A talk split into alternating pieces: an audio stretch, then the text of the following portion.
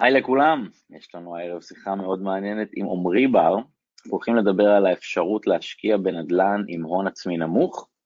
זה לא אפס לגמרי, אבל זה גם אה, פחות ממה שאתם חושבים. תכף אני גם שאלתי את הסכום, ותכף אני אתן גם לעמרי לספר לכם בדיוק מה, מה הסכום של דעתו אפשר להתחיל איתו. בחור צעיר, אני יכול להגיד בן כמה? אה, כן. אז עמרי הוא רק בן, אה, בן 23, אה, הוא בעצמו כבר אה, התחיל את הדרך שלו אה, בעצמו כמשקיע נדל"ן, ואחרי שככה הוא נכנס לליגה של הגדולים, אז התחיל לקבל פניות מאנשים, שממש יעשה להם את כל הדברים, והיום הוא, אני חושב, מה שמעניין שהוא לא רק מעביר איזה כל מיני טיפים, אלא ממש ככה עושה את כל הדברים בשביל אנשים מא' ועד ת', מוצא, משביח, מזכיר, תכף יסביר, הוא עושה ממש עושה את זה בשביל אנשים. עובד עם הבת זוג שלו, העסק שלהם נקרא תפוס את הנדל"ן, והרעיון הוא באמת אה, להוביל משקיעים, חלקם צעירים, חלקם עם הון עצמי התחלתי קצת יותר נמוך, ובאמת אה, לעזור לאנשים להיכנס להשקעות בעולם הנדל"ן, מאלף ועד תף. אז ערב טוב אומרים. ערב טוב, אה, מאוד כיף להתארח פה, תודה רבה לך. בכיף, בכיף, אז אולי נתחיל מהנושא ה obvious, מה, הגיל הוא לא איזה חסם, אתה יודע, פתאום אתה בא למישהו בן 40, אומר לך, מה, אתה חצי מהגיל שלי, מה, אתה אוכל אותי על נדל"ן, אין לך איזה מקרים כאלה שהגיל מפריע? הגיל שלי? לא קורה לך שמישהו בן 40-50 אומר לך, מה, אתה חצי מהגיל שלי, מה, מה אתה יכול אותי על נדל"ן, לא קורה שזה, אולי אני מדמיין וזה לא בעיה בכלל, זה סתם... אה, כן, זה קורה לפעמים שחושבים ש... אה, שאני בחור צעיר, שאני פחות מבין בזה, אבל אה, לדעתי הכל שאלה של מתי אתה מתחיל לחקור את זה. ואם אתה באמת חוקר ואתה לומד את הנושא כמו שצריך, אתה, לדעתי זה לא תלוי בגיל, זה תלוי בידע שלך. איך שאתה בוחר להשקיע בנושא. זה קורה אבל שאנשים כאילו מעלים את הסוגיה הזו, או שאתה אומר אם, זה לא בראש שלך זה גם, זה גם לא בראש שלכם, כאילו קורה שמישהו שואל? אה, לי היה פעמים אה, מעטות שזה עלה, אה, לדעתי היום זה כבר הרבה יותר נפוץ שיש את היזמים הצעירים עם אש בעיניים שכבר אפשר לראות את זה שמתחילים היום בגיל הרבה יותר מוקדם, חושבים על עצמאות כלכלית, איך לייצר עוד מקורות הכנסה, שזה לא תלוי בעבודה. אז מאיזה גיל בעצם אתה בתחום של הנדל"ן? אה, את האמת, אה, אני התגלגלתי לתחום הזה. אה, זה היה שהייתי בצבא, אז אני, אני ממודיעין במקור, כיום אני בצפון, תכף אני אספר על זה. אבל כשהייתי במודיעין זה בעצם עיר מתה, שאין בה כלום, ודיברתי עם חברה שלי, ישבנו ערב אחד עם מאי, ושאלנו מה, מה בעצם אפשר לעשות, איך אפשר לעשות איזשהו שינוי פה בעיר, כי זו עיר ממש שאין בה כלום בסופה, שממש עיר מתה. אז החלטנו לפתוח עסק של עוגיות, פתחנו ביחד עסק של עוגיות שוקולד צ'יפס מושחתות כאלה. ואיך הלך? האמת שהלך ממש טוב, אה, פתחנו את זה בדיוק בגל הראשון של הקורונה, שעדיין אה, לא היה את כל הקונספט של המשלוחים וכל המשלוחי מזון. אה, עשית משלוחים של העוגיות? כן, הקונספט היה לעשות משלוחים. אה, היה מנצח. לישיבות, שאנשים כבר רק מחכים לאיזה מאנץ' מטורף. ומאוד מאוד התפשט. אחרי זה התפשטנו גם לכל הארץ, עבדנו עם שליחים, ממש הלכנו לצפון, לדרום. מה אתה אומר? מה, ממש העסקתם עובדים או שזה היה שניכם? ממש שמחתי. כן, אנחנו העסקנו שתיים שלושה שליחים במקביל, ממש היה מטורף. אה, כן, והיה לנו אתר, ממש אה, זה נהיה פסיכי. נשמע שחבל שסגרתם, נשמע אחלה ביזנס. כן, אה, עשינו את זה במהלך הצבא, וממש גם עברנו לציוד מאוד תעשייתי, הבאנו מיקסר מטורף, ענק, ותנור תעשייתי, ממש הגענו לרמה גבוהה. אבל אה, הרגשנו שהתחום של האוכל הוא תחום מאוד מאוד קשה, אה, התחיל לכאוב לנו הגב, הרגשנו כבר מותשים, אה, בעצם עבדנו 24/7 בעסק הזה, עבדנו כן. שם כל הזמן, והרגשנו שזה קצת כבד ופחות מתאים לנו התחום של האוכל, למרות שזה מאוד הצליח, אז למרות שהרווחנו כמו הייטקיסטים שם, אבל נאלצנו לסגור את זה, כי הבנו שזה פחות מדבר אלינו התחום הזה. ושם בעצם אה, צברתם את ההון הראשוני להתחיל בנדל"ן? שם צברנו את ההון הראשוני, אנחנו מאוד חסכניים, אה, מאוד הסתכלנו על ההוצאות, על ההכנסות, אנחנו הרווחנו מלא כסף שם, וכן, זה נתן לנו קפיצה להון הראשוני. עוד פעם, לא חייב להקים... ש... אז אולי בעצם הטיפ הראשון שאפשר לקחת ממך זה שכדי לצבור את ההון הראשוני צריך קצת אה, לחסוך וקצת לחשוב קדימה ולא לבזבז הכל. אה, כן, לדעתי זה מאוד חשוב. אה, דבר ראשון, לפי דעתי הכי חשוב זה לבנות תוכנית עסקית. אם יש לי מטרה להגיע ל-150 אלף שקלים, 160 אלף שקלים, לתכנן איך אני עושה את זה, לא פשוט... אה, שאגב, המספר הזה אתה לא אומר אותו סתם, כי הבנתי ממך שזה הסכום שצריך, נכון? באזור שלך כדי להתחיל 150-160. כן, באזור שלי הדירות הן אה, בערך בטווח מחירים של 500 אלף שקלים, ההון העצמי... קריית אתא, נכון? כן, באזור קריית אתא.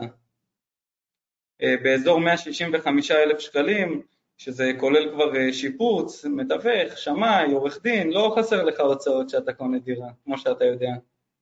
אז בעצם מי, ש... מי שיש לו הון עצמי של 165 אלף שקלים והוא רוצה להשקיע בקריית אתא, אז מבחינתך הוא... לגמרי, יכול לצאת לדרך, יכול לקנות דירה, לשפץ אותה ולרהט אותה, אה, ממש דירה מוכנה להשכרה שנראית טוב, לא סתם לקנות דירה. דירה שהיא משופצת ויפה. אוקיי, אז... בשבוע.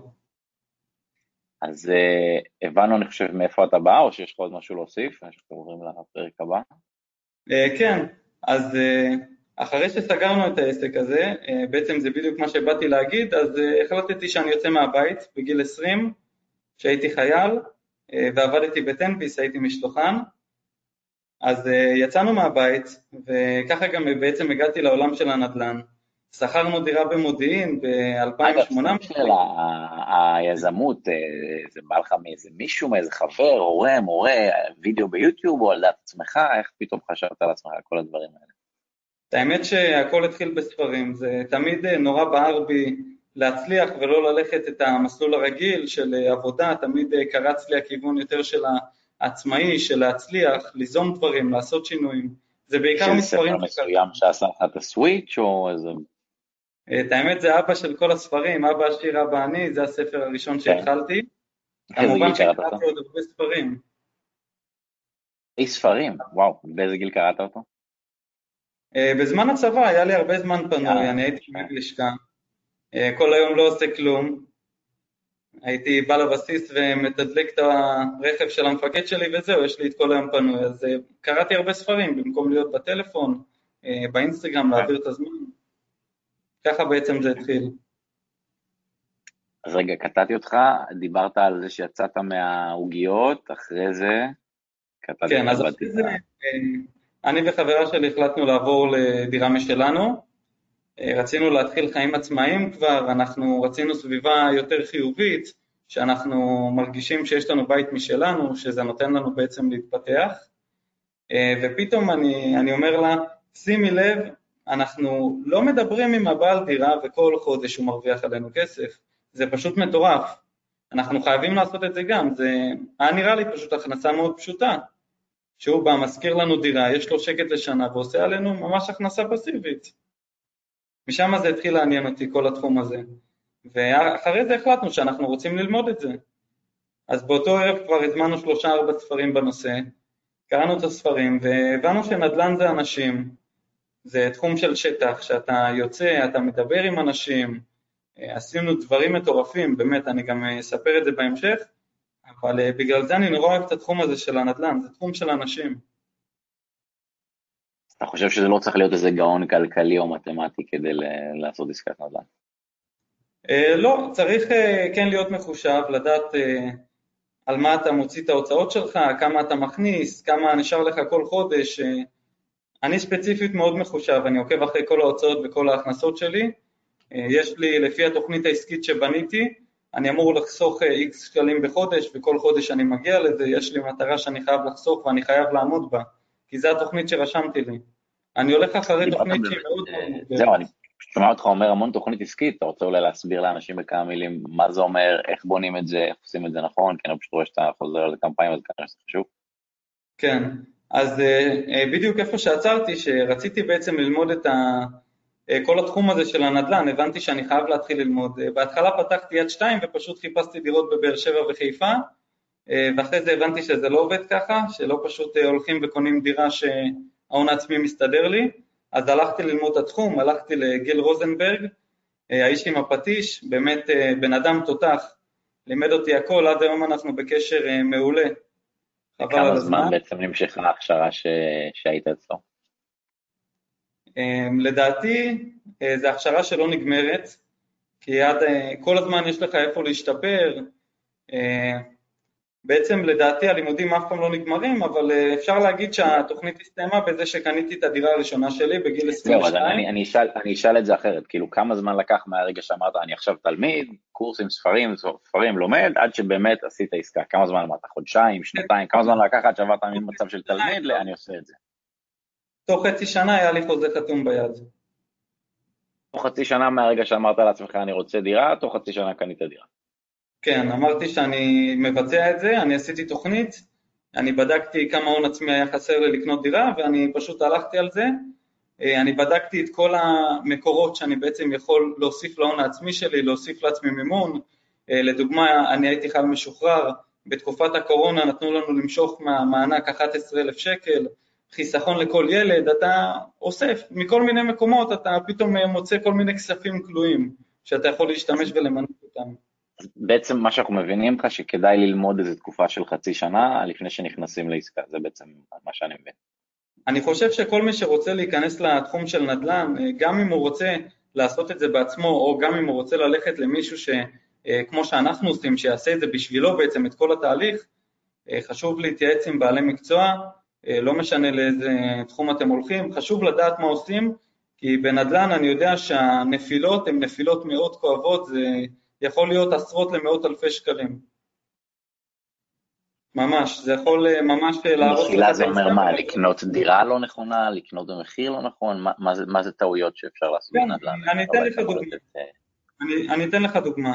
נגיד בקריית אתא, שזה השוק שלי, בעצם הדרישה זה לקומה ראשונה, שנייה, מקסימום, ולא תמיד, לא בכל השכונות, אפשר גם דירה של... בקומה שלישית. אה, אז אני רואה כל מיני בעלי דירות שקונים אה, בקומה רביעית, קומה חמישית. בסדר, הם קונים ב-100 אלף שקל פחות מהמחיר, 50 אלף, 70 אלף, אבל יש לזה סיבה, הם לא מצליחים להשכיר את הדירות. ולא כל האנשים mm, יודעים... אתה אומר שהמטרה היא לא סתם לקנות נמוך, אלא גם לחשוב מה הנכס שהוא יהיה שכיר. ובעצם גם מה שאני זוכר בוובינר של גיל, שאמרת שיש לנו בעצם שתי מטרות, יש דירה שהמטרה שלה היא להשכיר אותה ולייצר תשואה, יש דירה שהמטרה שלה היא לעשות flip ואקזיט, אז בעצם אנחנו צריכים להבין מה המטרה שלנו, ואז לפי לא. זה להתכוונן ליעדים שלנו. אז אם, אתה, אם הלקוח שלך רוצה דירה שקל להשכיר אותה, אולי שווה להתאמץ עוד קצת, להוסיף עוד 100 אלף, אבל שהדירה לא תעמוד ריקה. כן, נכון, אנחנו לא קונים דירות שהן יעמדו ריקות, זה ממש אה, לא המטרה שלנו רק אה, להגיד, אה, יש לי דירה, יש לי מפתח, המטרה זה כמובן להשכיר אותה ולייצר תשואה, המטרה שלנו זה שיהיה לנו קל להשכיר אותה, שלא נצטרך להתעסק איתה, דירה שהמצב שלה יהיה טוב, שהיא תהיה מרועטת כמו שצריך. אתה מתעסק גם בפליפים בשביל עצמך ובשביל לקוחות שלך, או רק דירות שהמטרה היא להשכיר אותם ולייצר תשואה? אה, הרוב המטרה של אה, דירות לטווח ארוך, אנחנו מסתכלים לטווח ארוך, אה, תשואה שהיא לאורך זמן, אנחנו בוחנים את ההון העצמי בעצם שיש ללקוח שלנו ולפי זה אפשר לייעץ לו, נגיד אם לבן אדם יש 500 אלף שקל הון עצמי ודירות עולות 500 אלף, האם שווה לו לקנות דירה אחת במזומן או שתי דירות עם משכנתאות, מה בעצם המטרה שלו, ומזה אפשר להבין בעצם. אז, אז, אז אולי בוא, בוא תענה על השאלה הזו, אם יש לו 500 אלף, עדיף לו לקנות דירה אחת או שתיים? לדעתי חד משמעית, אם זה לטווח הארוך, לקנות אה, כמה שיותר דירות ולקחת כמה שיותר מימון. כי התשואה יותר גבוהה מהריבית שאתה משלם. אז בעצם על 500 אלף הוא יכול אפילו לקנות שלוש דירות, לא? אה, שלוש זה די גבולי, יש לך גם את העניין של השיפוץ, לדעתי הוא יכול שתיים, אבל אה, עוד פעם, צריך לתכנן את זה, צריך לראות מה ההון העצמי, האם הוא יכול אה, להוציא כל מיני כספים כלואים, אה, לדוגמה קרן השתלמות שהיא נזילה, לקחת הלוואה על קרן השתלמות, קופת גמל להשקעה. ולאיזה תשואה כדאי לכוון? מה זה תשואה טובה? לדעתי תשואה טובה זה תלוי, ב, תלוי בבן אדם, כמה הוא רוצה להכניס כל חודש. יש אנשים שמוכנים להיכנס לתזרים שלילי, שלילי לדוגמה להחזיר על משכנתה 3,000, להרוויח 2,000, שהם אומרים שזה סבבה להם, ויש כאלה שרוצים נגיד לשלם החזר חודשי של 1,000 שקלים ולהשכיר ב-200, זה הכל אה, תלוי בלקוח, במה שהוא רוצה. מה ההיגיון בעצם בלקבל תזרים שלילי? כשיש לך בעצם תזרים שלילי, אתה בעצם מכסה יותר מהר את ההלוואה. עוד פעם, השאלה מה המטרה שלך, אם אתה רוצה כמה שיותר מהר לסיים עם המשכנתה, או שאתה רוצה לקנות כמה שיותר דירות. לפי לא, הדעה לא, שלי... נגיד... כן, לא, אבל אמרנו שנגיד יש לו 500 אלף, אז הוא לא צריך, והוא לא צריך משכנתה, אז לאיזה תשואה כדאי לו לכוון? אם יש לו 500 אלף, אני אמליץ לו חד משמעית אה, לקנות שתי דירות. ומבחינת ההחזר, מה שבדרך כלל אנחנו עושים, אם אתה משכיר דירה ב-2,000, אז החזר משכנתה של 1,600, 1,700, שזה בעצם סך הכל יכסה אחד את השני. אני לא רוצה שה... בדרך כלל אני לא ממליץ ללקוחות להיכנס לתזרים שלילי, אני פחות אוהב את זה, אני יותר אוהב להשתמש בכמה שיותר מינוף ולא לחנוק את עצמנו. יש פתאום כל מיני הוצאות לא צפויות, ובדרך כלל אנחנו משתדלים לא להכניס לתזרים שלילי. אז אתה אומר שדירה של 500 אלף צריכה לייצר לנו 2,000 שקל בחודש. כן, זה, נכון? זה האזור של השכירות, 2,000, 2,100 בערך, זה האזור. ובנוסף יש לך גם עליית ערך של 3.5 אחוז, שזה גם מוסיף לתשואה. אז רגע, אני מנסה להבין, אז אם יש לנו 2,000, סתם ראיתי, התשואה השנתית, כמה זה יוצא? 2,000 כפול... אם זה 2,000, אתה מכפיל את זה... זה 24, זה 24,000, אז יש לנו, אה, הנה אני חושב, יש לנו 24,000 מתוך 500,000. 500,000. זה 4.8 אחוז, זה המון, זה כמעט 5 אחוז. נכון, ולזה אתה מוסיף 3.5 אחוז אה, עליית ערך, זה כסף שאתה בעצם תקבל אותו במכירה, שיוצא לך תשואה של 8 אחוז, מעל 8 אחוז. וואו. מבחינתי זה אחלה של... אתה מדבר על מגורים, לא על מסחרים. כן, אני מתעסק בנדל"ן של מגורים, את האמת שאין לי מושג במסחרי, אני אף פעם לא התעסקתי בזה. אה, לדעתי אני יותר אוהב את הנדל"ן למגורים, כי זה לדעתי בעצם אה, יש לזה יותר צורך. אה, לדוגמה, אני שמתי לב בקורונה שמלא עסקים סגרו, פשטו רגל, נסגרו, לדעתי התחום של המגורים זה יותר יציב, אבל עוד פעם, אפשר להצליח גם במסחרים, רק צריך, הכי חשוב זה ללמוד את זה לפני שאתה נכנס לזה. אז בואו ננסה ללכת בצורה מסודרת, אה, מגיע אליך לקוח, אה, יש לו הון עצמי של 200 אלף שקל, מה השלבים? שלב א'. אוקיי, אז דבר ראשון אני שואל אותו, מה המטרה שלך? האם אתה צריך את הכסף הזה, אתה רוצה לקנות לך דירה למגורים בעתיד? אה, לכמה זמן בעצם תהיה אורך החיים של ההשקעה, שזה מאוד מאוד חשוב לנו. אז אם הוא רוצה את זה בעצם לטווח ארוך, אנחנו נוכל לקנות לו ב-200 אלף שקל אחלה של דירה ולעשות אחלה של שיפוץ, וככה הוא בעצם אה, יקבל תשואה חודשית. אם הוא צריך את הדירה הזאת לטווח קצר, אז אה, עוד פעם, אנחנו מתאימים את זה ללקוח, למתי הוא יצטרך את הכסף. יש כאלה שצריכים את הכסף לחתונה, יש כאלה שרוצים לקנות דירה למגורים עוד כמה שנים, אז אנחנו מתאימים את זה ביחד עם הלקוח. כשאתה אומר דברים כמו טווח קצר וטווח ארוך, מה, מה זה אומר? טווח קצר זה חודשיים, טווח ארוך זה שנתיים, זה עשרים שנה, מה זה אומר? לא, זה, טווח קצר זה נגיד אה, שנתיים, אה, שלוש שנים. אה, שנתיים זה טווח קצר, אוקיי. עשר שנים, עשר שנים ומעלה. ואם מישהו בא ואומר לך שהוא רוצה לעשות פליפ תוך חודשיים, זאת אומרת, אני לא מתעסק בזה. אה, בפליפים אני פחות מתעסק, אנחנו מתעסקים יותר בעצם להשכרה לטווח ארוך, זה יותר המטרה שלנו, ליהנות מהתשואה שהיא תשואה מאוד יפה, אה, יותר מתעסקים בנדל"ן להשכרה. ו... אז אם נגיד הדירה עלתה 200 אלף שקל, כאילו השיפוץ הוא אמור להיות 10% מהשווי שלה, נגיד 20 אלף שקל, או איך שאתה מסתכל על זה? אה, זה מאוד תלוי, אנחנו יכולים למצוא נגיד דירה שהיא אפילו תהיה 470 אלף, לא 500, אבל הדירה תהיה שבורה לגמרי וצריך שיפוץ של 70 אלף, אנחנו לפעמים יכולים למצוא דירה ב-500 שממש צריכה נגיעות קוסמטיות אה, קלות, שממש אה, רענון, שיפוץ ב-10,000, 20,000, באזור כזה. עדיף ו... לקנות דירה שהיא צריכה שיפוץ או דירה שהיא לא צריכה שיפוץ? מה יותר משתלם? אה, עוד פעם, זה תלוי לדעתי בתוכנית העסקית, בהון העצמי שיש לבן אדם, זה מאוד תלוי. אם אני, אם אני לוקח דירה שהיא שבורה, ואני מחשב כמובן כל דירה לפני שאני קונה כמה יעלה לי כבר השיפוץ, אנחנו באים מוכנים לדירה, אז אם אני רואה שיותר משתלם לי לקחת דירה שבורה ולעשות עליה וואחד שיפוץ, להוציא דירה ברמה של אה, בית מלון, אז אנחנו נעשה את זה. אם אנחנו מוצאים דירה שהיא כבר מוכנה, היא נראית טוב והמחיר שלה הוא בסדר, אנחנו נלחץ את המוכר ונקנה אותה. זה תלוי בתוכנית העסקית. אנחנו יכולים לדעת כמה יעלה לנו השיפוץ. אמ, זה מאוד מאוד משתנה. אם זה דירה שבורה זה יכול להגיע ל-50 אלף, 70 אלף. אם זה דירה של רענון זה באזור ה-20 אלף בדרך כלל, משהו כזה. ורוב הדירות שאתה קונה זה שני חדרים, שלושה חדרים, ארבעה חדרים, גינה, מרפסת, יש לך איזה סטנדרט מסוים שאתה מכוון אליו, או... רוב הדירות שאנחנו קונים אה, זה בדרך כלל, בדרך כלל קומה ראשונה, קומה שנייה, באזורים, אה, באזור מאוד ספציפי, בשכונות מאוד ספציפיות, אנחנו לא קונים אה, בכל רחבי קריית אתא, יש שם הרבה אזורים עם 500 אלף, אנחנו בעצם עשינו דבר ראשון, לפני שאנחנו בכלל מפנים לשם אנשים, אנחנו עשינו שם מחקר שוק, אנחנו הלכנו לאזור הזה, אנחנו עשינו סקרים, דפקנו על דלתות, אנחנו בדקנו את הרמת היצע והביקוש, וככה אנחנו הצלחנו להרכיב לנו את המוצר שלנו. אה, בדרך כלל מדובר על דירות שלושה חדרים, באזור ה-60 מטר. אתה, אתה מדבר על הביקוש של שכירות או הביקוש של קנייה? או גם וגם? אה, גם וגם, אנחנו רוצים לראות כמה בעלי דירות יש שם וכמה סוחרים יש שם. אנחנו רוצים לראות שהמאזן שלנו הוא מאזן טוב, שמצד אחד בעצם הרבה אנשים כן גרים שם, ומצד שני שיש בעצם דרישה לשכירות. זה אמור להיות בערך חצי-חצי. או 60-40, משהו באזור הזה. אוקיי, אתה רוצה שאתה מדבר, אני פתאום עולה עם מחשבה שאני אומר, אם הביקוש למכירה הוא כאילו, לקנייה הוא נמוך, אבל הביקוש לשכירות הוא גבוה, אז יכול להיות שאולי אני אוכל לקנות דירה בזול שיהיה לי קל להשכיר, יכול להיות שיש היגיון כזה. אה, עוד פעם, זה מאוד מאוד אה, תלוי. אה, קח לדוגמה את חריש, אנחנו, שם לדוגמה אני רואה מלא מלא דירות להשכרה, בגלל שאף אחד לא גר שם, אז אה, בעצם יש קושי להזכיר את זה. אז אה, מבחינתי חריש זה אזור אה, כרגע, שהוא אזור לא טוב להשקעה. עוד 10-15 שנים זה יהיה אזור מטורף, אבל כרגע לא הייתי נכנס לשם. ואיך אנחנו יכולים לעשות את הסקר שוק הזה ולדעת אם זה מקום שלנו קל או קשה להזכיר?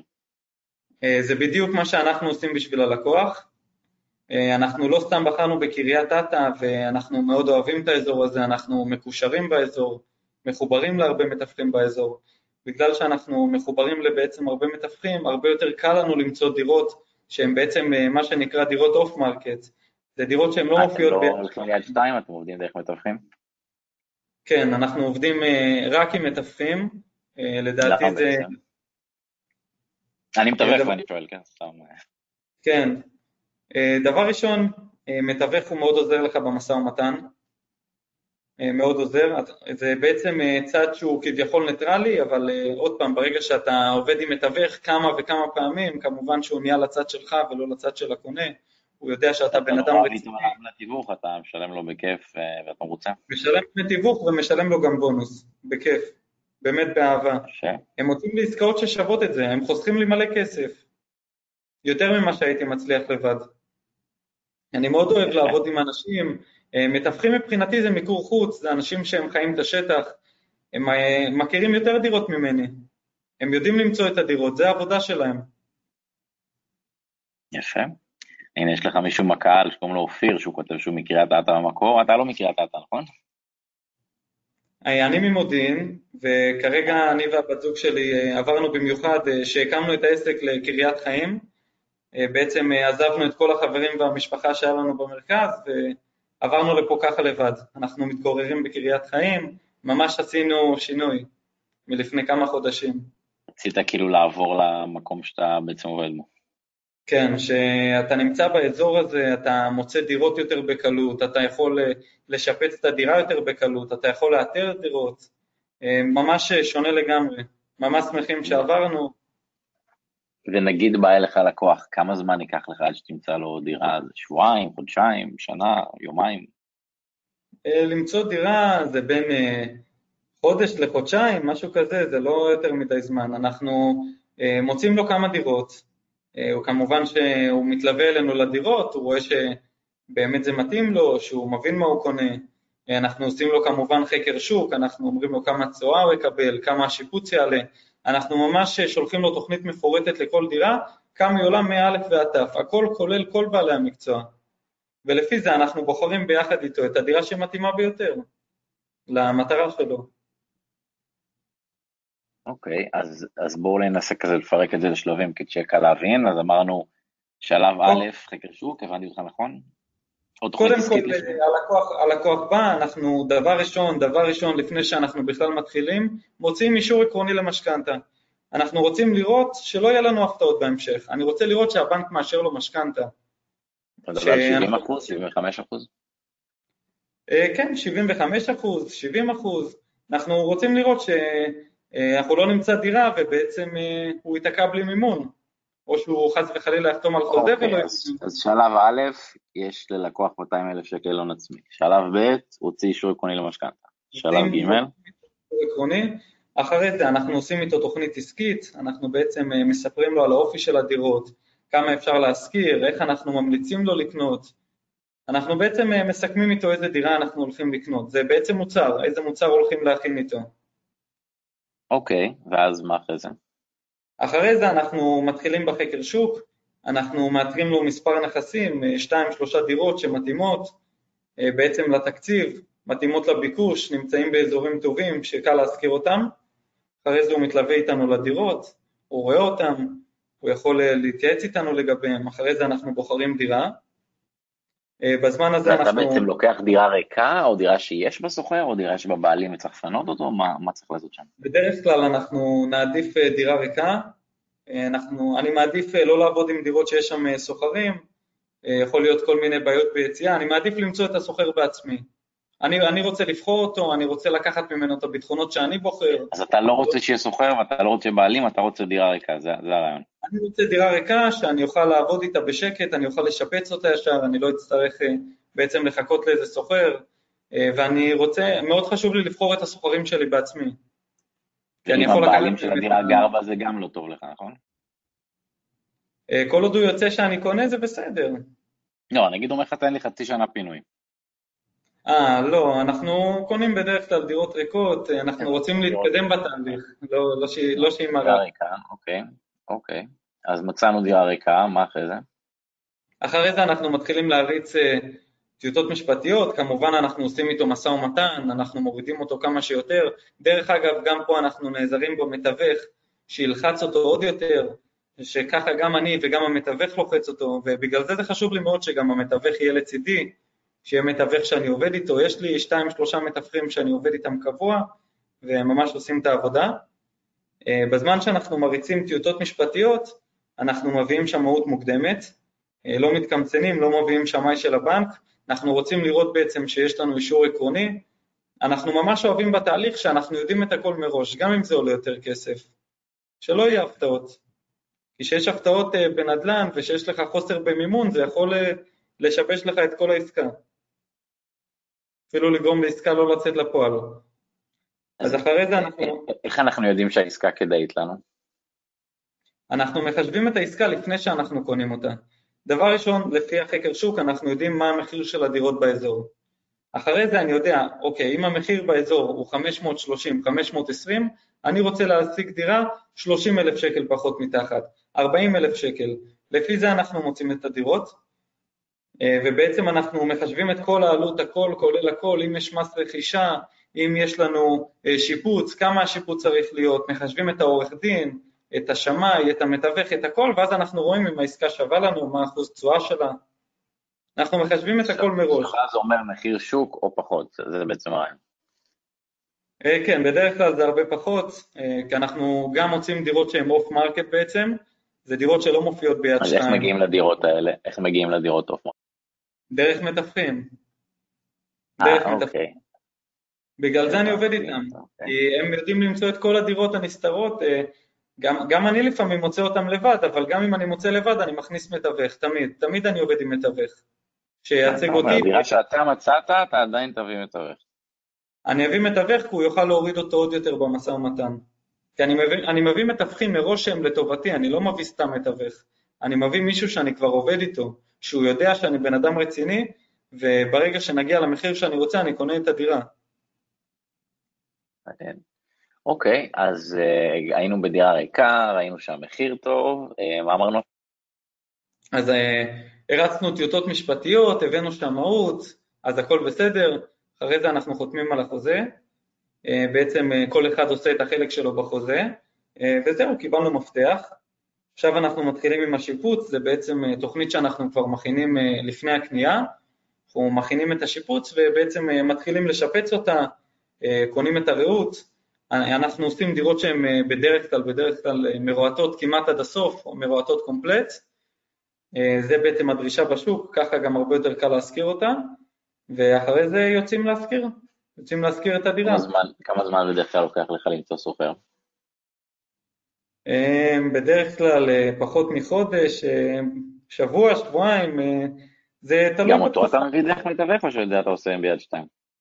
לא, זה, זה אני עושה לבד, אני מפרסם בכל המקומות, מדלן, יד שתיים, קומו, פייסבוק, ממש הכל, מביא כמה שיותר אנשים ובודק כמובן שהסוחר איכותי, שהוא יכול להביא לי ביטחונות. איך אתה בודק שהסוחר איכותי? דבר ראשון, אני, אני שואל אותו איפה הוא עובד, אני שואל אם יש לו ערבים, אם יש לו ביטחונות, בנוסף לזה אני מאוד מאמין באהבה ממבט ראשון מה שנקרא, להיפגש איתו בדירה, לראות איך הוא מתנהג, לראות שהוא בא לי בטוב, לראות שהוא בן אדם אחראי שבאמת ישמור לי את הדירה, בכל זאת אתה נותן לו פה דירה, אתה רוצה שישמרו עליה, אתה לא רוצה שישברו לך את הדירה. ואתה גם את זה עושה בשביל הלקוח שלך? זאת אומרת, הוא אפילו לא בא לראות את הסוחר, אתה מביא לו דירה עם סוחר, הוא לא ראה אותו אפילו? כן, הוא רק צריך ליהנות מהתשואה, להמשיך עם החיים שלו. הוא אפילו לא ראה את הסוחר בעצם, הלקוח.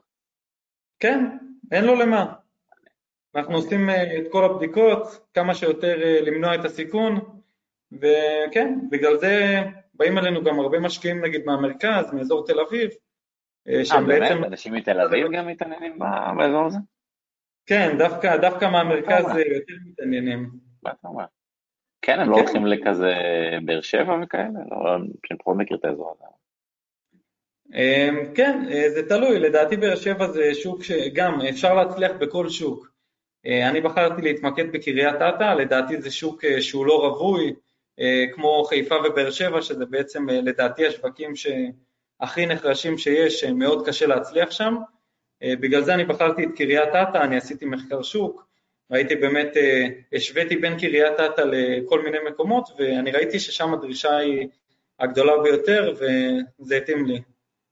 מה, מה אתה חושב על ה... טוב, אתה יודע, אני מבין שאתה עוד לא 10 או 20 שנה בתחום, אבל אתה יודע, יש אנשים בשוק שאומרים שכרגע השוק קשה, שיש מעט מוכרים, שאין הרבה היצע, אתה לא מרגיש איזה קושי בתחום הזה של מציאת דירה?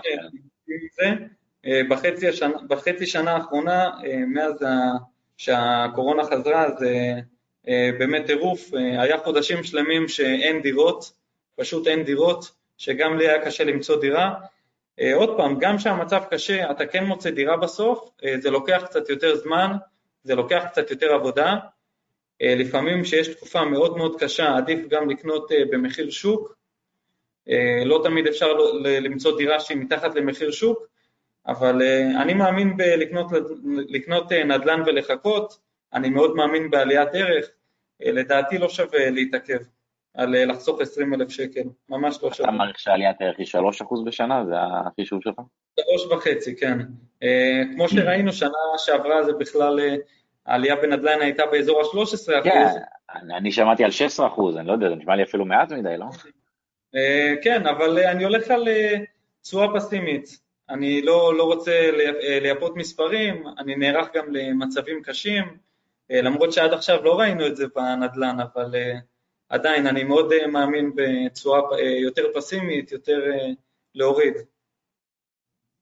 לא, אני, אני הבנתי שהממוצע היה 16% בשנה האחרונה, אבל שוב, אני לא יודע, כן, אתה יודע, זה בטח משהו גנרי כזה, אני לא יודע, זה משתנה לפי אזורים, לפי גודל.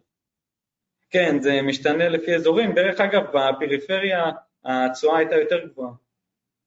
בדרך כלל כן, אתה יודע אולי בקריית אתא מה היה הממוצע של העלייה בשנה האחרונה? 10%. 10 אחוז, שזה לדירות או באופן פרטיים?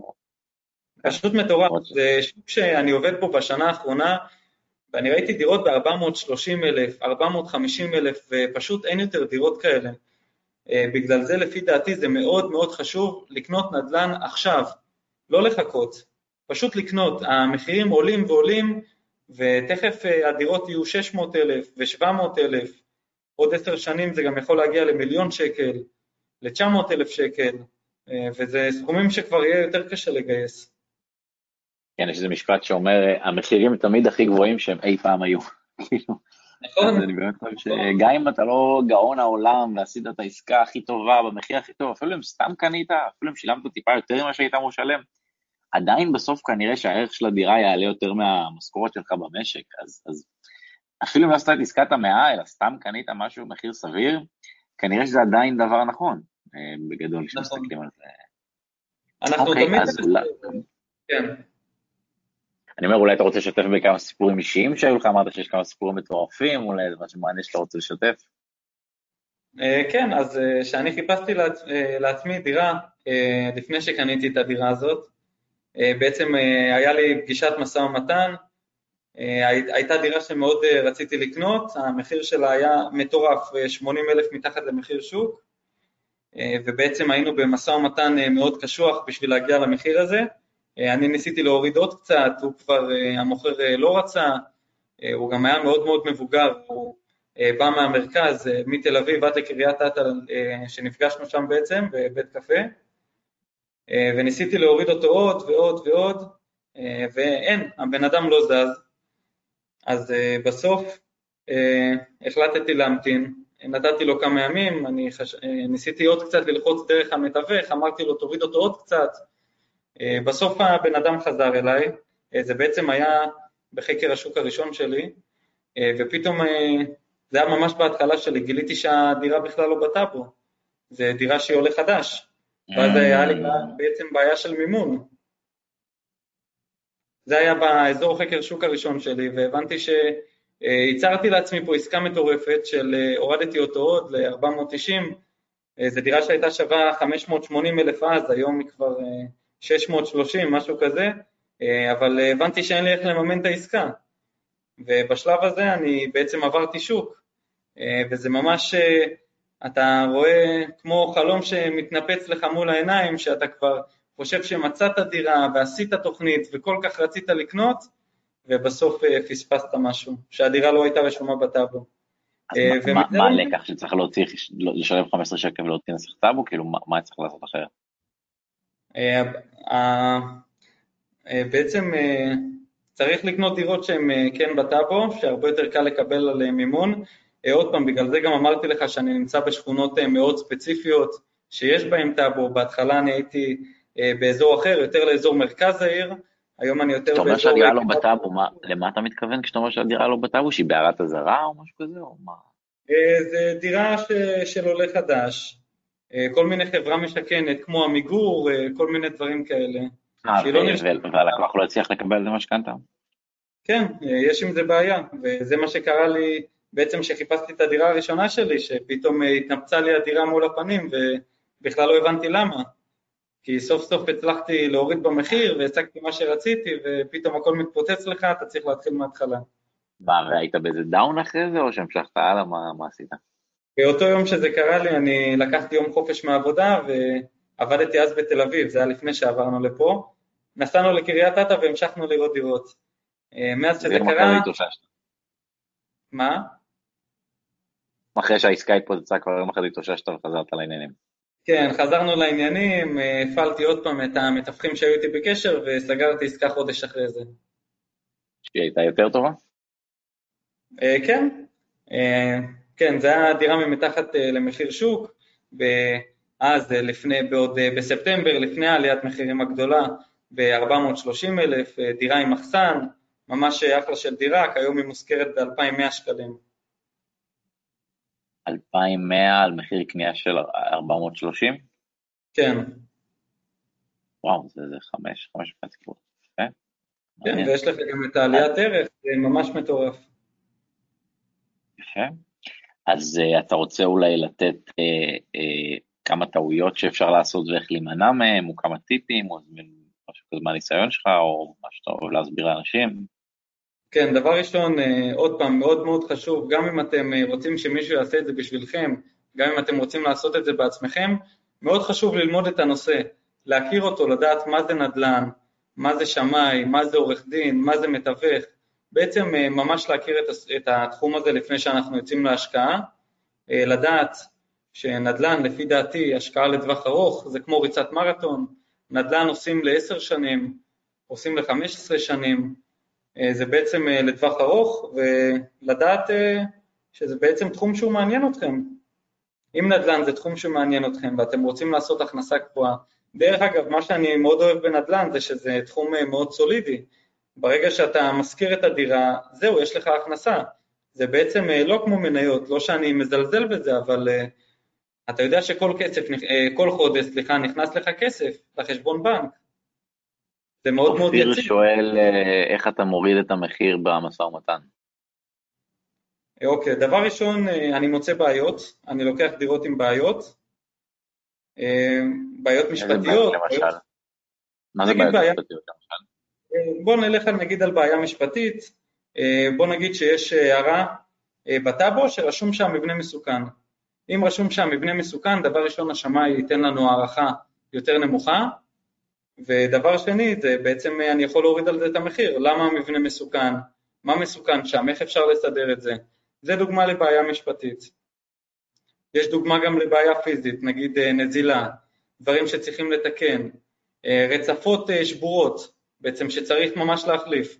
כל הדברים האלה אני מוריד את הבן אדם במחיר.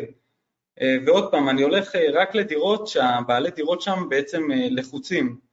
אם הבן אדם לא לחוץ, אני לא אצליח להוריד אותו במחיר, וגם המתווך, אולי הוא יצליח להוריד אותו ממש קצת.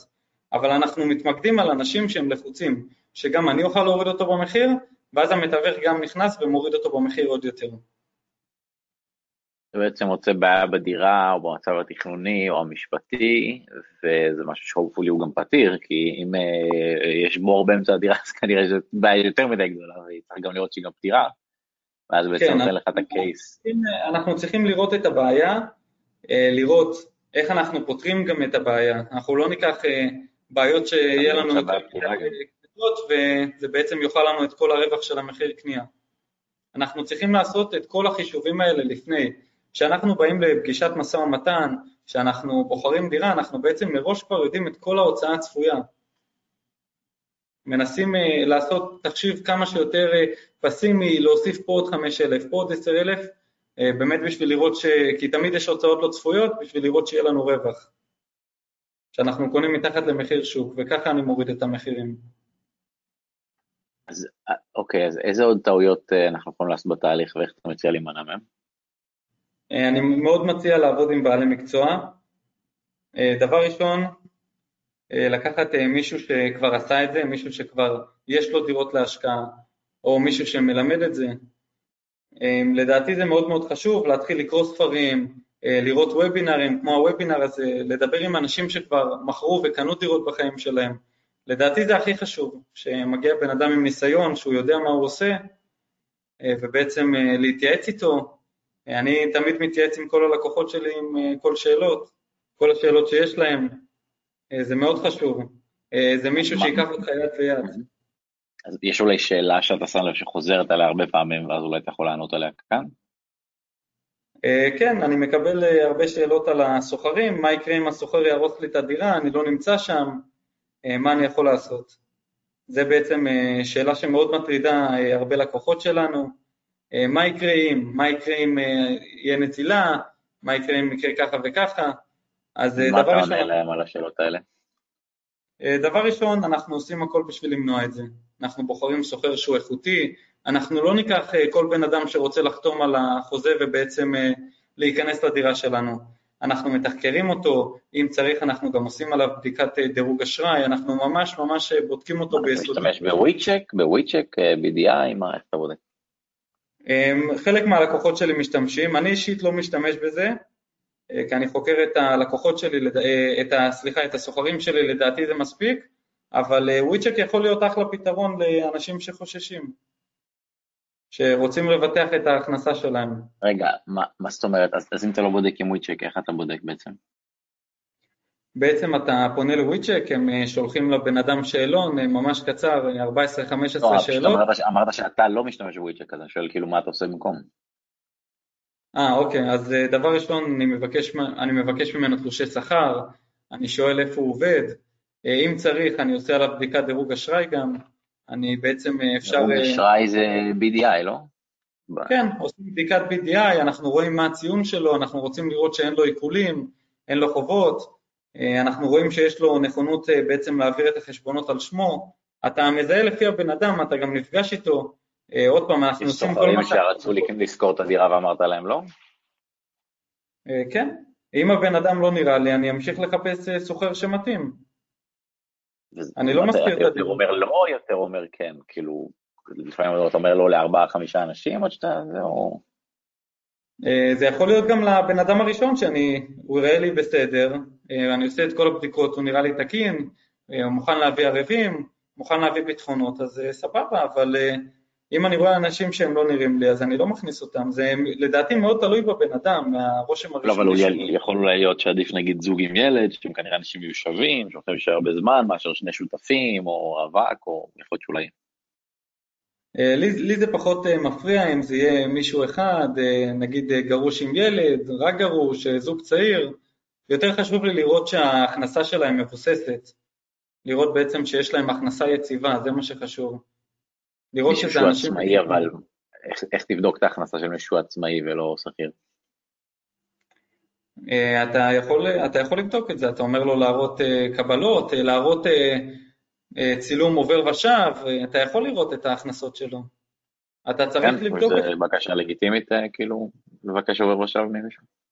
תראה, ברגע שאתה שם את כל הכסף שלך ו-165 אלף שקל לדעתי זה סכום מאוד מכובד, אתה רוצה לראות שאתה מכניס את הבן אדם הנכון לדירה שלך. אני באופן אישי, אני לא אכניס אף אחד לדירה שלי שהוא לא יראה לי. אני רוצה שהדירה שלי תפעל, אני קניתי אותה למטרת השקעה, אה, וכמו שאני נותן לו את המפתח וכך הדירה שלך, אני רוצה גם לראות אה, מה אני מקבל בתמורה. Mm. לא מאיזה סכום בעובר ושב מבחינתך הוא סוחר לגיטימי? 20 אלף, 40 אלף, 10,000, זה פחות הסכום בעובר ושב, זה יותר ההכנסה מול ההוצאה. אני רוצה לראות שיש לו מספיק אה, כסף פנוי כל חודש. זה יותר המטרה, לא אכפת לי אם יהיה לו 10,000 בחשבון או 5,000, גם אם זה סכום נמוך, אני רוצה רק לראות שההכנסה וההוצאה שלו מאוזנת, שהוא יוכל לשלם לי. אז מתוך כל, ה... מתוך כל השלבים בתהליך, מה לדעתך הוא החלק הכי מאתגר? ההון הראשוני, המשכנתה, השיפוץ, הסוחר, המשא ומתן, מה לדעתך החלק הכי קשה בתהליך? אה, לדעתי החלק הכי קשה זה חד משמעית אה, איתור הנכס אה, ושיפוץ, שיפוץ קצת יותר, זה דירות שהן מאוד מאוד ישנות, ולפעמים במהלך השיפוץ אתה מגלה כל מיני דברים שיש אותם רק בדירות ישנות.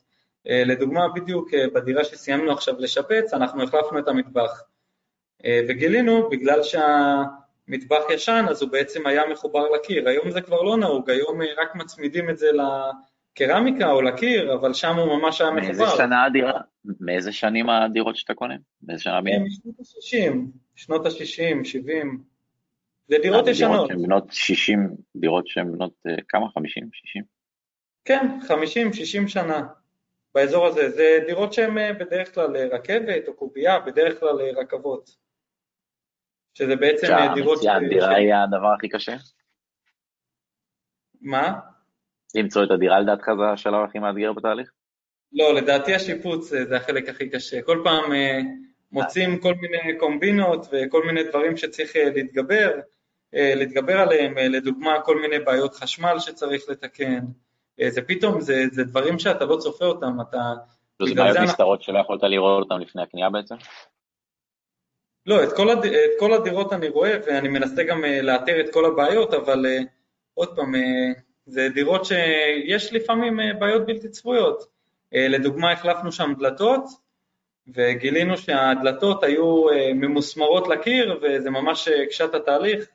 אה, ממש לקח לנו פי שלוש אה, יותר זמן להחליף דלת מאשר אה, בדירה רגילה, שזה פתאום משהו שאתה מגלה במהלך השיפוץ, אבל זה קורה, אנחנו נערכים לזה ואנחנו מתמודדים עם זה, כי זה דירות ישנות. בגלל זה גם המחיר שלהם כל כך אטרקטיבי וזול. אז אתה אומר שהשיפוץ זה, זה תהליך שמורכב?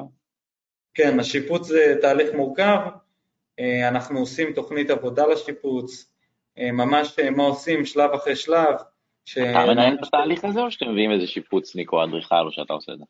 אנחנו עובדים עם אה, שיפוצניקים, כן, שהם אה, מטעמנו, הם עובדים איתנו, אה, חלק עצמאיים, חלק עובדים תחתנו, אבל אנחנו, אני לא עושה את השיפוצים, אבל אנחנו עובדים עם בעלי מקצוע שמוסמכים לזה בעצם עושים איתנו את, את כל הדירות, דירה אחרי דירה. אז, אז אם זה השלב הכי מאתגר, אולי אתה יכול לתת כמה טיפים של איך עושים את זה נכון, את התהליך של השיפוץ? אוקיי, אז מאוד חשוב בשיפוץ, לפי דעתי, לעשות, עוד פעם, כמו שקונים את הדירה תוכנית עסקית, תוכנית עסקית גם לשיפוץ. בשיפוץ, אם עושים דברים שבעצם לא לפי הסדר, לדוגמה, קודם כל לצבוע את הדירה, ואז להחליף דלתות, ואז לשים קרמיקה, אז נצטרך עוד פעם לצבוע את הדירה, זה לא חכם. אנחנו צריכים לפעול לפי שלבים. קודם כל לעשות את הדברים שהם יותר קשים ומלכלכים, לדוגמה להחליף מטבח, לדוגמה להחליף את הדלתות, לסדר את החשמל, ואחרי זה אנחנו יכולים לעבור לדברים שהם יותר קוסמטיים, כמו צביעה, כמו לקנות ריהוט, להחליף מזגנים, דברים בסגנון הזה. אז אני חושב שזה מאוד חשוב, אם עושים שיפוץ, לעשות תוכנית מסודרת, לדעת כמה יעלה לנו השיפוץ לפני שהוא מתחיל, כי עם שיפוץ אתה יכול להיגרר להוצאות, ש... כל מיני הוצאות לא צפויות ש... איך, איך, אנחנו בונים, איך אנחנו בונים את התוכנית העסקית? אתה יכול לדבר על זה? מה, מה, מה עושים שם בתוכנית העסקית? כן, זה חלק מהתהליך שאני בעצם עושה עם הלקוחות, בעצם אני עושה את זה ללקוחות שלי, אני בעצם ניגש לדירה, אני קודם כל, אני רואה איפה הבעיות, אני מאתר את הבעיות, אני רושם את כל הבעיות על דף בעצם, ואחרי זה אני בעצם בודק ממה עדיף לי להתחיל. בדרך כלל אני מתחיל ממטבח, אחרי זה אני בדרך כלל מסדר נגיד קרמיקה אם יש בעיה, רצפות, נגיד פרקט. מהניסיון שלי המטבח והסלון זה לדעתי החלקים שהכי חשובים לאנשים בדירה, אתה גם חושב ככה? כן, אני מסכים. לדעתי המטבח והסלון זה הכי חשוב שהמטבח יהיה חדש, שיהיה מטבח, גם אם הוא לא חדש, ייראה טוב. וגם הסלון, זה מאוד מאוד חשוב, כי זה הפינה שאנחנו, שם בעצם רוב היום שאנחנו בבית, אנחנו במטבח ובסלון. ויש לך איזה טיפים על איך עושים שיפוץ כדי שאולי הסלון יראה גדול יותר, הכניסה תראה מזמינה יותר, המטבח יראה חמים יותר, יש אולי איזה סוג שיפוץ מסוים שמושך את האנשים, אולי יש משהו כזה? בדרך כלל לגבי המטבח, בדירות האלה רוב המטבחים הם ישנים. אז אם המטבח לא נראה, מחליפים אותו. אנחנו קונים מטבח שהוא נראה טוב, מטבח חדש, אולי מביאים מקרר חדש, אולי תנור, קריים, עוד פעם לפי מה שצריך. לגבי הסלון גם לקנות ספה נחמדה, אפשר לאבזר את זה עם תמונות, כל מיני תמונות, כל מיני אביזרים עציצים, זה מאוד מאוד נותן אווירה ביתית ומאוד עוזר. חושב שצריך להשקיע במותגים יקרים או שזה לא בהכרח קריטי? אני לא חושב, לא, אני ממש לא חושב, אני בדרך כלל הולך על מותגים שהם בינוניים, לא על מותגים שזה בעצם לא מוכרים, שזה בעצם זבל, אבל גם לא למשהו של יוקרה, משהו באמצע זה מעל ומעבר, זה גם הדרישה של השוק, במחיר של 2,100, אז אתה לגמרי מביא מוצרים בינוניים וזה עושה את העבודה. לא צריך, לדעתי, סתם לזרוק כספים על מותגים. ואתה חושב שאפשר לקחת את השיטת עבודה הזו גם לדירות יקרות יותר, או אזורים יקרים יותר, סתם תל אביב, רמת כן, שרון? משמעית. חד משמעית, התהליך שאני עושה בדירה של, בדירות שאנחנו מאתרים, זה בעצם אותו תהליך, זה פשוט בתל אביב הדירות כנראה יהיו יותר חדשות, אבל גם ההון העצמי יש שם יותר גבוה. לדעתי עדיף קודם כל אבל להתחיל, באמת אם יש הון עצמי, אנחנו דיברנו מקודם על העליית מחירים, זה קודם כל לקנות, תמיד אפשר להשתדרג בעצם, תמיד אפשר למכור את הדירה, אבל את העליית ערך כדאי לא לפספס. כדאי ליהנות מעליית ערך, כי יש עכשיו עלייה מאוד מטורפת, לדעתי זה גם ימשיך וימשיך, במיוחד עם המלחמה באוקראינה, ובעצם כל הקורונה. אז אם, אם לקוח שלך קנה דירה והערך שלה עלה, אתה חושב שעדיף לו למכור אותה ולקנות דירה יותר יקרה, או מה אתה חושב שצריך לעשות, לממש, לא לממש? לדעתי זה ממש תלוי במטרה העסקית שלו. אם יש לך, אם יש לך דירה שהיא בעצם פועלת ומייצרת לך תשואה, אני לא רואה סיבה למכור אותה, אלא אם זה מה שהוא תכנן. אם, אם הוא תכנן להחזיק בדירה עשר שנים ועברו עשר שנים והוא צריך את הכסף, תמכור. לא, נגיד הוא קנה ב-500 והייתה עלייה של 10%, עכשיו הוא יכול למכור ב-550, אתה חושב שכדאי לו למכור או לא למכור? נכון, אבל אל תשכח שגם כל הדירות מסביב עולות ל-550, אז זה לא שהוא באמת הרוויח את זה.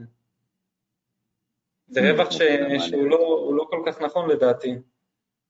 אתה רואה בעצם רווח שהוא לא רלוונטי. לדעתי, אם אתה קונה שתי דירות, ובסוף אתה רוצה להישאר עם דירה אחת, ואתה בוחר לקנות שתי דירות זולות יותר ומוכר אחת מהן, ואז אתה נשאר רק עם אחת, פה אתה יכול להגיד, כן, הרווחתי מעליית ערך. אבל אם אתה קונה דירה אחת ואתה מוכר אותה, אז לדעתי אין לך רווח, כי כל המחירים עלו. אז אם יש לו דירה אחת והוא צבר עוד קצת הון עצמי, עדיף לו למכור את הדירה הזו ולקנות שתיים, או פשוט לקנות עוד אחת, או איך, איך אתה ממליץ לו להתקדם הלאה אחרי הדירה הראשונה? לפי דעתי, אה, אני הייתי ממליץ לו לקנות עוד אחת. אני מאוד מאמין אה, בכמה דירות, מאשר, אה, בשתיים שלוש דירות, מאשר אחת שהיא מאוד מאוד יקרה. דבר ראשון, לפי דעתי התשואה שם באמת תשואה מאוד יפה על ההון הזה. אה, וככל שעולים בתקציב, לדעתי התשואה קצת יורדת, במרכז זה לא תשואות כמו פה, זה תשואות שהן הרבה יותר... בן אדם שיש לו 600 אלף, היית ממליץ לו לקנות שלוש דירות עם מינוף מאשר דירה אחת בלי מינוף? לגמרי, חד משמעית. אם הוא יכול אה, לעמוד במינוף, וזה לא ילחץ אותו כלכלית, שהוא ייכנס לתזרימים שליליים, אז לקנות שלוש דירות. אתה לא חושב שכדאי לקחת מינוף עד לרמה שהשוכר מחזיר לך את המשכנתה? כן, זה בדרך כלל מה שאנחנו ממליצים. אם זה המינוף, אז אה, לגמרי. זה גם מה שאני עושה לעצמי, זה המינוף שאני הכי מאמין בו. אני בעצם לא רוצה לשלם את המשכנתה, אני רוצה להמשיך לחסוך ולקנות לעצמי עוד דירות. וככה אני בעצם לא מרגיש בעול של המשכנתה, זה לא משפיע עליי. אז בעצם אתה אומר שכדאי לקחת משכנתה ברמה שהשכירות תחזיר לנו את המשכנתה. אם אנחנו יכולים להשכיר את הדירה ב-2,000 שקל בחודש, אז אנחנו רוצים שהתשלום המשכנתה לא יהיו מעל 2,000 שקל בחודש. זה, זה כן, אפילו, אפילו אפשר 1,600, 1,700, אה, זה בסדר גם להישאר עם קצת דמי כיס. יש לנו גם, אה, אל תשכח מדי פעם תחזוקה, זה בערך 150 שקל בחודש, פתאום המזגן מתקלקל, אה, משהו מתקלקל. אז אנחנו כן צריכים קצת כסף בצד, אז 1,600, 1,700. סוגיות של ביטוח, אתה נכנס לסוגיות של ביטוח, ביטוח תכולה, ביטוח רכוש, ביטוח מבנה, אתה מתעסק בנושאים האלה שלא? כן, אני מתעסק בביטוח חיים וביטוח דירה, זה בעצם שתי ביטוחים שאתה חייב לעשות במהלך המשכנתה. כן, עושים את זה, זה 50 שקל, משהו כזה, זה ממש בקטנה. את זה גם אנחנו מחשבים בתוכנית העסקית. יפה, אז אנחנו לקראת סוף, יפה, אז טיפים מאוד מעניינים, אנחנו לקראת סוף השעה. אתה רוצה אולי לתת איזה סיכום, או איזה טיפ לסיום, או משהו כזה? אה, כן, אז אה, אם הנושא של הנדל"ן זה באמת מעניין אתכם, אה, לדעתי מאוד מאוד חשוב שתחקרו את זה כמו שצריך, אל תקנו דירה סתם, אל תעשו את זה לבד, תיקחו בעל מקצוע, אם אתם רוצים מישהו שילווה אתכם, מישהו שיעשה את זה בשבילכם, אז תיקחו את זה, אם אתם רוצים ללמוד את זה לבד, תיקחו קורסים, אל תלכו פשוט ככה ותקנו דירה, כי ההפסדים הם מאוד מאוד כואבים, אם אה, לא עושים את זה כמו שצריך. אני מאוד ממליץ לקחת בעל מקצוע ולחקור את זה לפני שעושים. מדובר פה על אה, סכומים מאוד מאוד גדולים. אה, הרבה אנשים אומרים שעסקת נדל"ן זה העסקה הגדולה ביותר שרוב האנשים יבצעו בחיים שלהם. לפי דעתי חשוב לעשות את זה נכון. ומי שרוצה ללמוד ממך עוד, איך אפשר לעקוב אחריך, לפנות אליך, ללמוד ממך? כן, אנחנו תפוסטה, אני וחברה שלי, אתם מוזמנים לעקוב בפייסבוק, באינסטגרם, אה, כן, בכיף. מעלים שם תכנים, טיפים, אה, שיפוצים שם. יפה, אז מי שרוצה לעקוב אחר לקבל טיפים, הוא כותב בפייסבוק תפוסטה והוא יכול לראות? כן, תפוסטה והוא מגיע אלינו, אנחנו תופסים ביחד את העסקה. מעולה, אז אה, הגענו לסוף השעה. תודה רבה לך, היה מאוד מעניין, למדנו הרבה, כל הכבוד על ה... כל הכבוד על העשייה בגיל צעיר, ואולי עוד אה, שנה נעשה עוד וובינר, ואז אולי כבר אתה תתמחה בווילות ודירות יוקרה, מי יודע. יכול להיות, יכול להיות. יפה, אז תודה רבה על הטיפים. תודה לך. תודה לך הזמן, תודה על הטיפים, תודה לכל מי שהיה איתנו, מקווה שקיבלתם ערך. אם אתם שומעים אותנו בספוטיפיי, אתם יכולים לדרג, אה, אם אתם שומעים ביוטיוב, אתם יכולים לעשות לייק, מקווה שנהנתם, נתראה בפרק הבא. ערב טוב בינתיים, ביי ביי. ביי ביי.